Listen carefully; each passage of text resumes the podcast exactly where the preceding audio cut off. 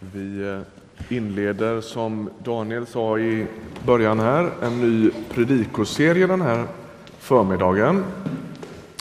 Och vi kommer att utgå ifrån Markus evangeliet hela den här sommaren och göra det genom att närma oss evangeliet eller texten ett kapitel i taget. Och då förstår du att det där låter sig ju egentligen inte göras. Man kan inte predika ett kapitel varje söndag. Men vi kommer att göra vissa nedslag och förhoppningsvis svepa med dig i den fantastiska berättelsen som vi inleder idag. Och vi läser ifrån kapitel 1 och vers 1.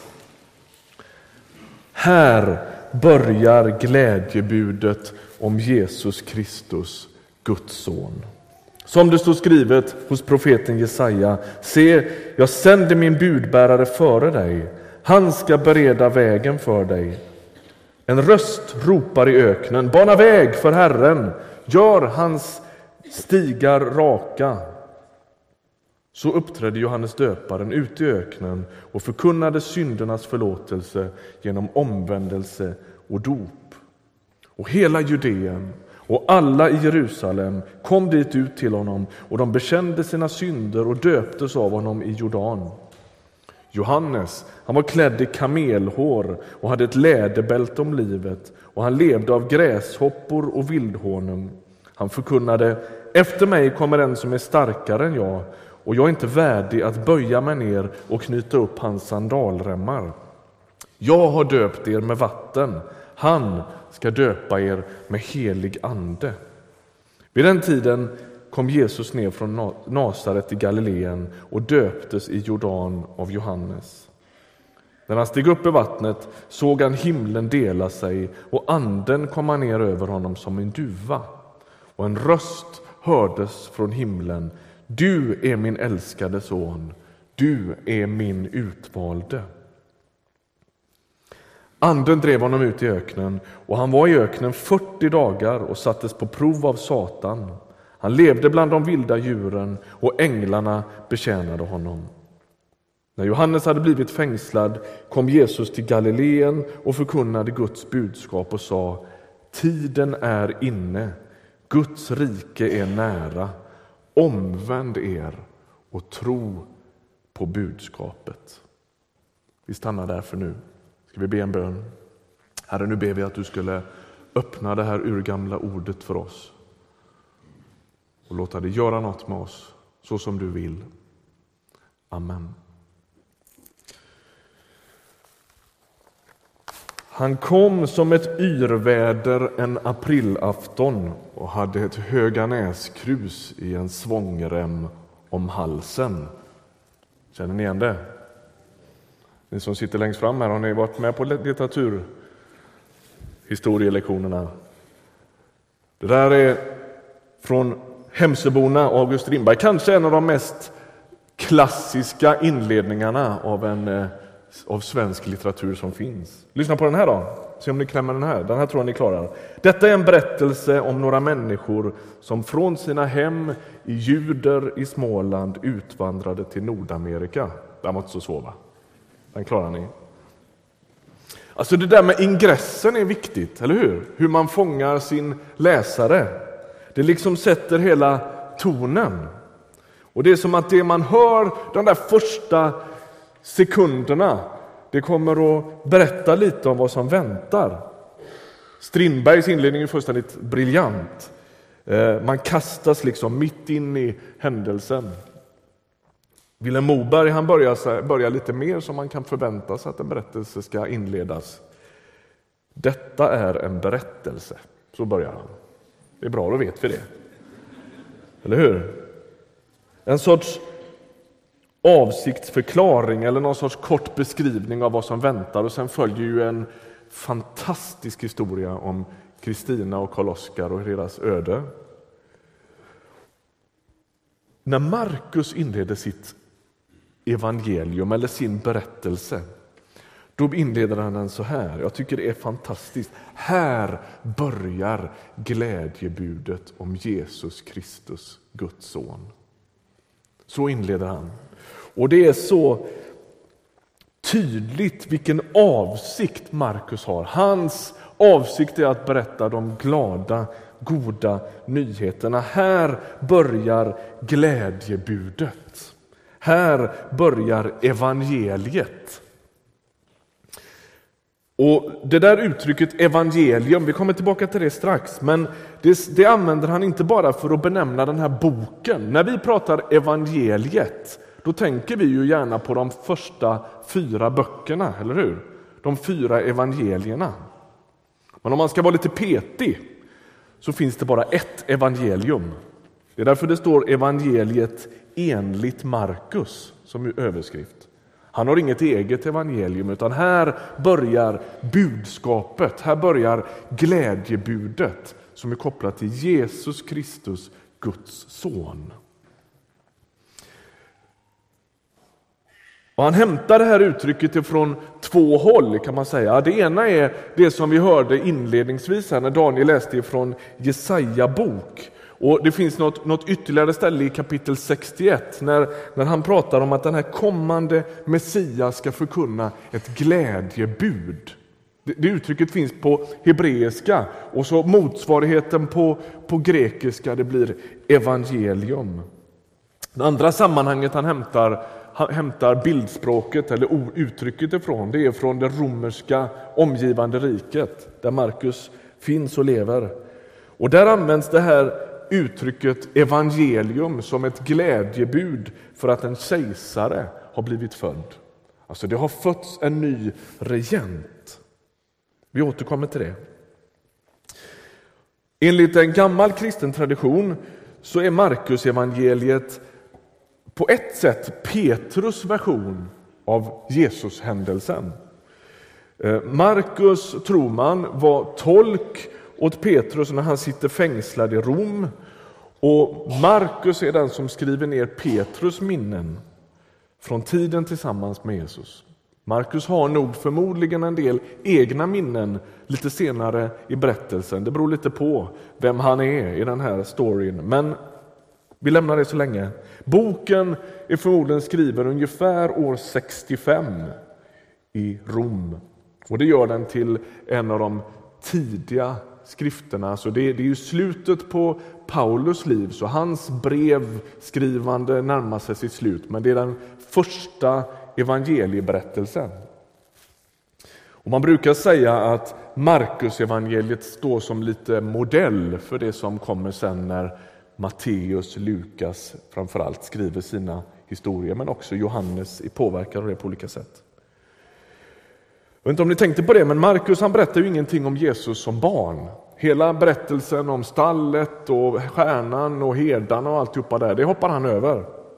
Och så börjar det med Johannes och så får vi sen hänga med från det att Jesus döps i floden Jordan till hans död på korset och så småningom uppståndelsen från de döda.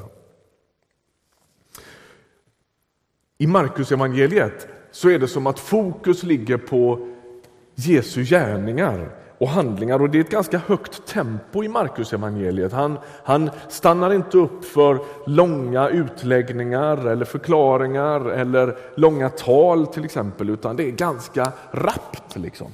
Han är en god berättare. Vi hänger med från den ena händelsen till den andra och det är som att han, han vill berätta storyn. Det var det här som hände under de där tre åren när Jesus var verksam.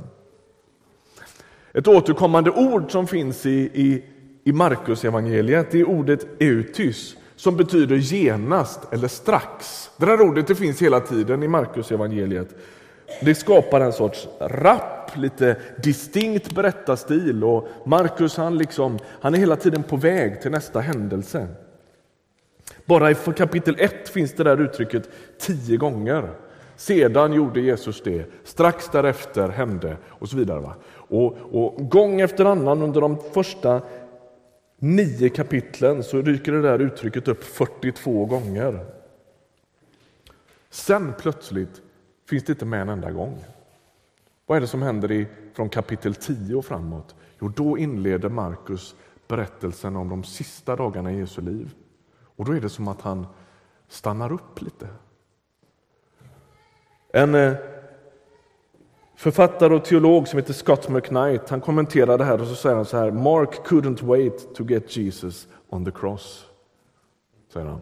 Alltså det är som att Markus berättar berättelsen med väldigt tydlig avsikt. Okej, okay, det här och det här och det här och det här hände, men det, det liksom avser att leda Jesus mot korset. Det finns en supertydlig sån liksom riktning och ett driv mot det. Och så plötsligt i kapitel 10, när hela påskdramat liksom börjar, då är det som att han lättar på gasen lite. Var med nu, liksom. det är nu det drar ihop sig. En del har beskrivit Markus evangeliet som berättelsen om Jesu död, korsfästelse och, och, och, uppståndelse. Och sen finns det en prolog till det. Alltså det är lite den känslan när Markus skriver. Två gånger i det här kapitlet dyker då det här uttrycket upp, evangelium eller evangelion. Vad är det egentligen?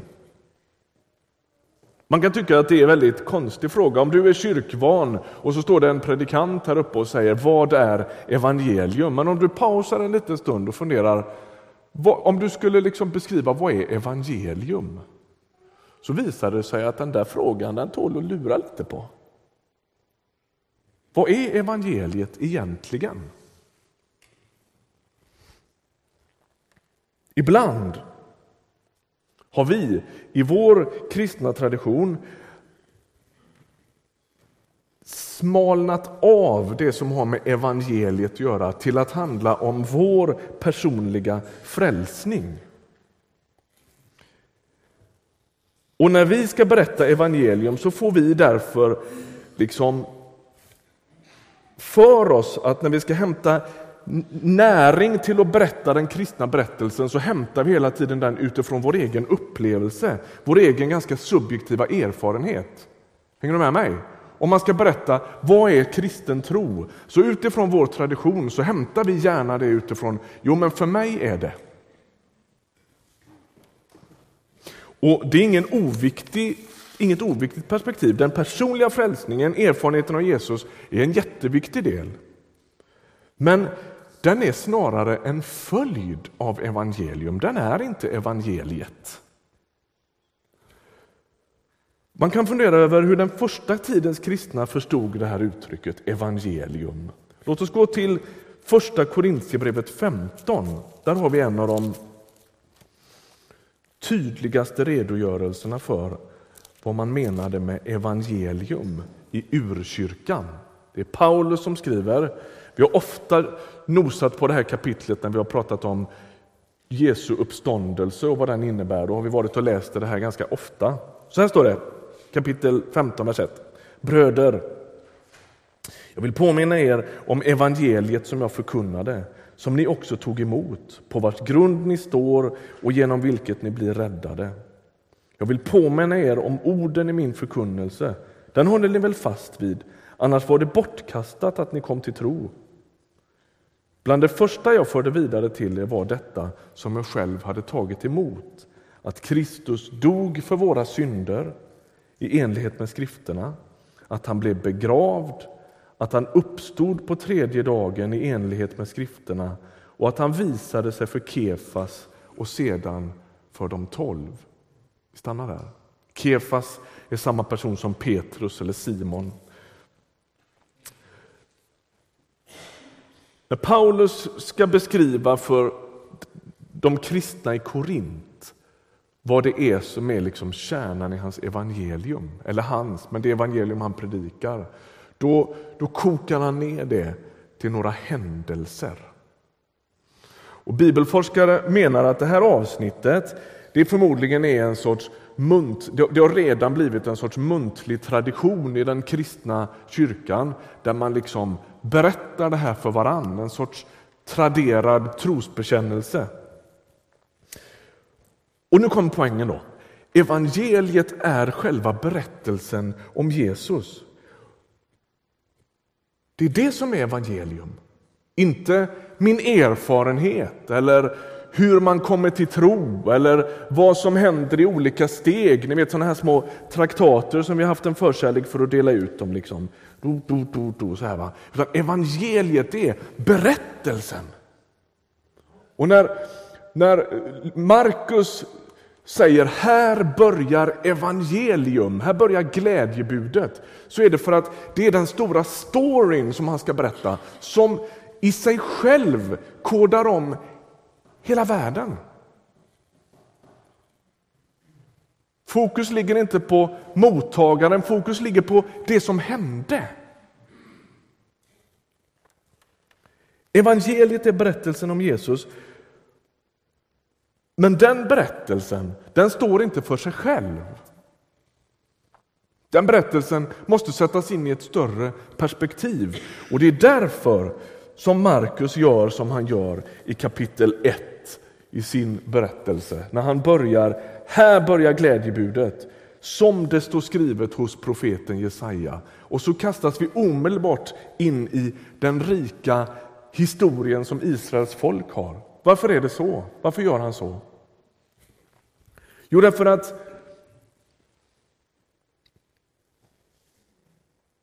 det här har med Guds frälsningshistoria att göra. Berättelsen, här börjar glädjebudet, men berättelsen har jättelånga rottrådar tillbaka i tiden. Den, den går tillbaka genom hela mänsklighetens historia och framförallt genom hela Israels historia. I Gamla testamentet så berättas det om hur Gud väljer ett folk. Ni vet, det börjar med Abraham och så blir det Israels folk så småningom. En sorts, han säger, Gud säger till folket att ni ska vara ett folk av präster. Alltså hela folket är präster. Tänk er När alla blir präster, och pastorer och predikanter, hur kul låter det på en skala? Bäckman skakar på huvudet, han är skeptisk. Hela folket är präster. Varför, hur, varför, vad ska man med ett helt folk som präst till? Jo, därför att de blir en sorts Guds representanter på jorden. Gud väljer folket, inte för att han favoriserar dem egentligen, eller för att han struntar i andra folk, utan snarare tvärtom. För att i det här folket, säger han, ska alla andra folk på jorden bli välsignade. Alltså, de blir någon sorts Guds representanter på jorden genom vilka Gud ska visa vem han är, vad han kan.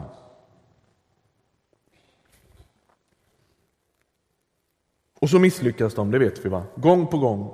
Genom hela Israels historia så, så bara spricker det hela tiden. De vänder sig till avgudar och de glömmer Gud och de beter sig som om de inte hade med Gud att göra och det bara spricker gång efter annan. Och så finns genom hela den här ganska svängiga historien, liksom, fram och tillbaka, så, så finns det ett löfte om att en dag kommer det en kommande kung och I de hebreiska texterna kallas han för Messias. Guds frälsning, Israels hopp. En dag kommer han. Och så skriver Markus ungefär som en sorts, jag vet inte vad, en budbärare, en sorts härold eller en, eh, någon som bara står och skriker i en megafon. Här börjar glädjebudet om Jesus Kristus, Guds son. Varför lägger han till Kristus för? Jo, därför att det är den grekiska motsvarigheten till Messias. Alltså, här börjar liksom kulmen på hela historien. Nu träder Gud in på scenen på det sätt som vi har längtat efter i århundraden. Det är nu det händer.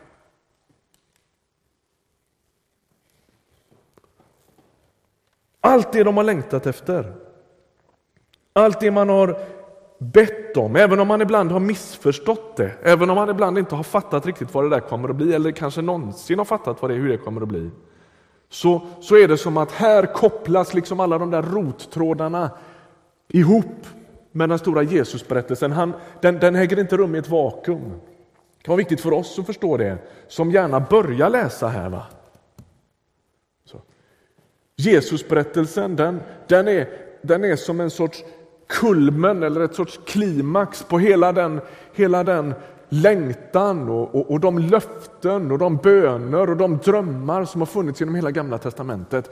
Det är nu det händer!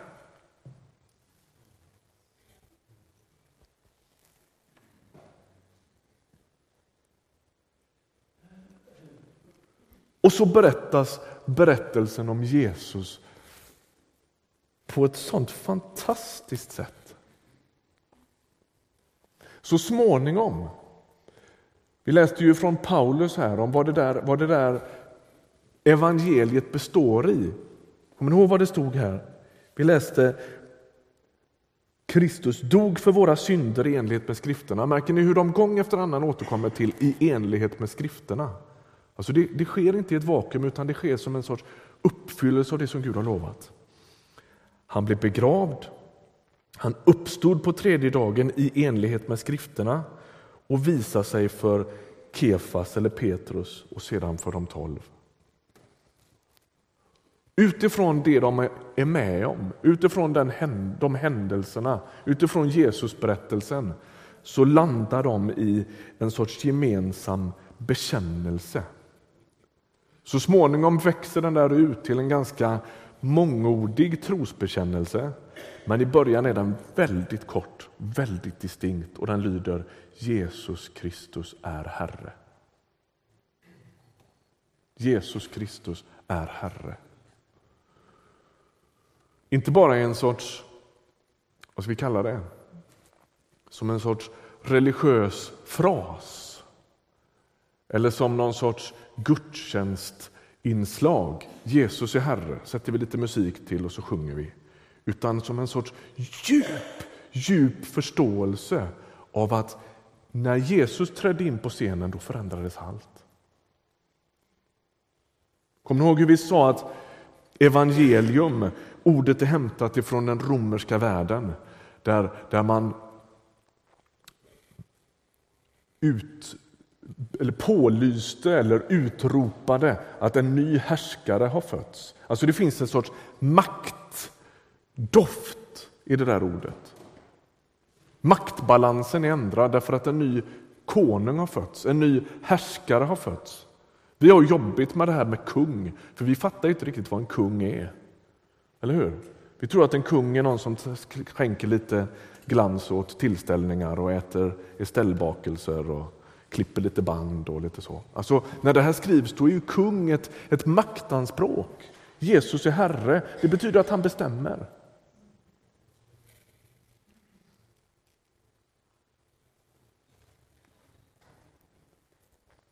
Och evangeliet, det är berättelsen om att Jesus är Herre. Och därför är fortsättningen, det vi ska ägna oss åt hela den här sommaren, är fullt logisk. Markus berättar storyn om Jesus. Den Jesus som regerar över sjukdomar har du senare i det här kapitlet. Han börjar sin tjänst med att bota Simons svärmor.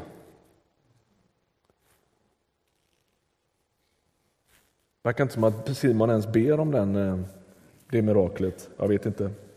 Han gör det ändå.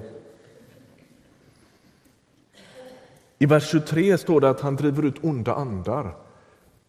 Kapitel 1. Och Det spännande är att det står så här. I synagogan, vers 23, fanns en man som var besatt av en oren ande och han började skrika. Vad har du med oss att göra, Jesus från Nasaret? Har du kommit för att ta död på oss? Jag vet vem du är, Guds helige. Märker du hur Markus beskriver Jesu intåg på scenen i, i, termer som har med makt och auktoritet att göra? Ondskans liksom, mest djävulska makter de liksom reagerar när Jesus kommer. Han verkar vara herre över kaosmakterna i naturen. Han går på vatten. Han stillar stormar, han talar till stormen så att stormen blir, blir stilla. Varför berättas alla de där grejerna genom Markusevangeliet? Eller genom alla de här återgivningarna? Jo, därför att man försöker teckna bilden. Förstår ni vem det är som har kommit? Det är han som, som ingen rår på.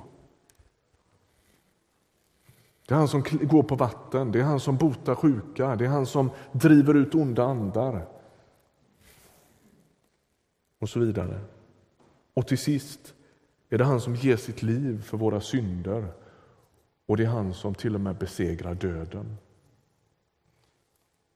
Det är intressant att evangelietexterna drar så få, vad ska vi kalla det för, teologiska slutsatser egentligen. De berättar bara en story. Och Jag tänker att det finns en poäng med det. Därför att evangeliet, det är inte allt det där andra.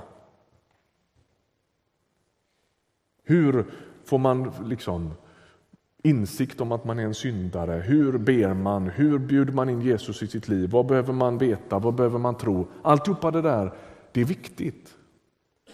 Men evangeliet, det är berättelsen om Jesus.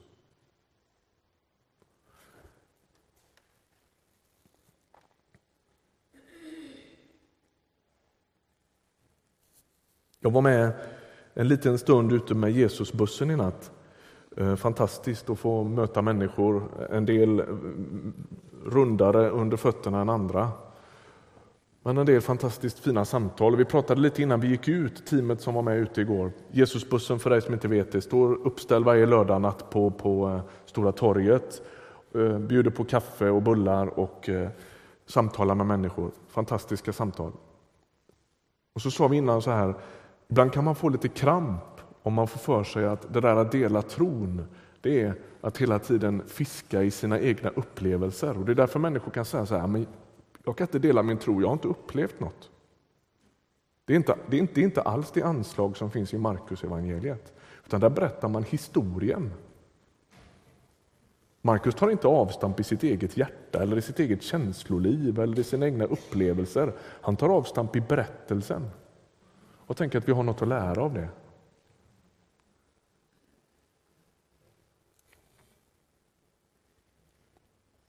Sammanfattningsvis, Jesus är Herre över allt. Det är därför det kallas evangelium. Han är den nya kungen, den nya kejsaren som föds. Och ingen har en sån makt. Ingen är som han. Och Det som följer där vi slutade läsa nu, det är att Jesus kallar lärjungarna. Och Det blir fullt logiskt, den här uppmaningen till lärjungarna när han säger kom och följ mig. Kom och följ mig. Gör mig till Herre i ditt liv. För jag är kungen. Amen, ska vi be. Tack Herre för rikedomen i de här texterna. Tack för att vi får närma oss dem och förstå att de skakade om hela den kända världen år 65. Och tack att de kan få göra det nu med. Tack att de kan få skaka om våra liv. Tack att vi står inför dig, du herrars herre, kungars kung. Som trädde in i världen så som skrifterna förutspått.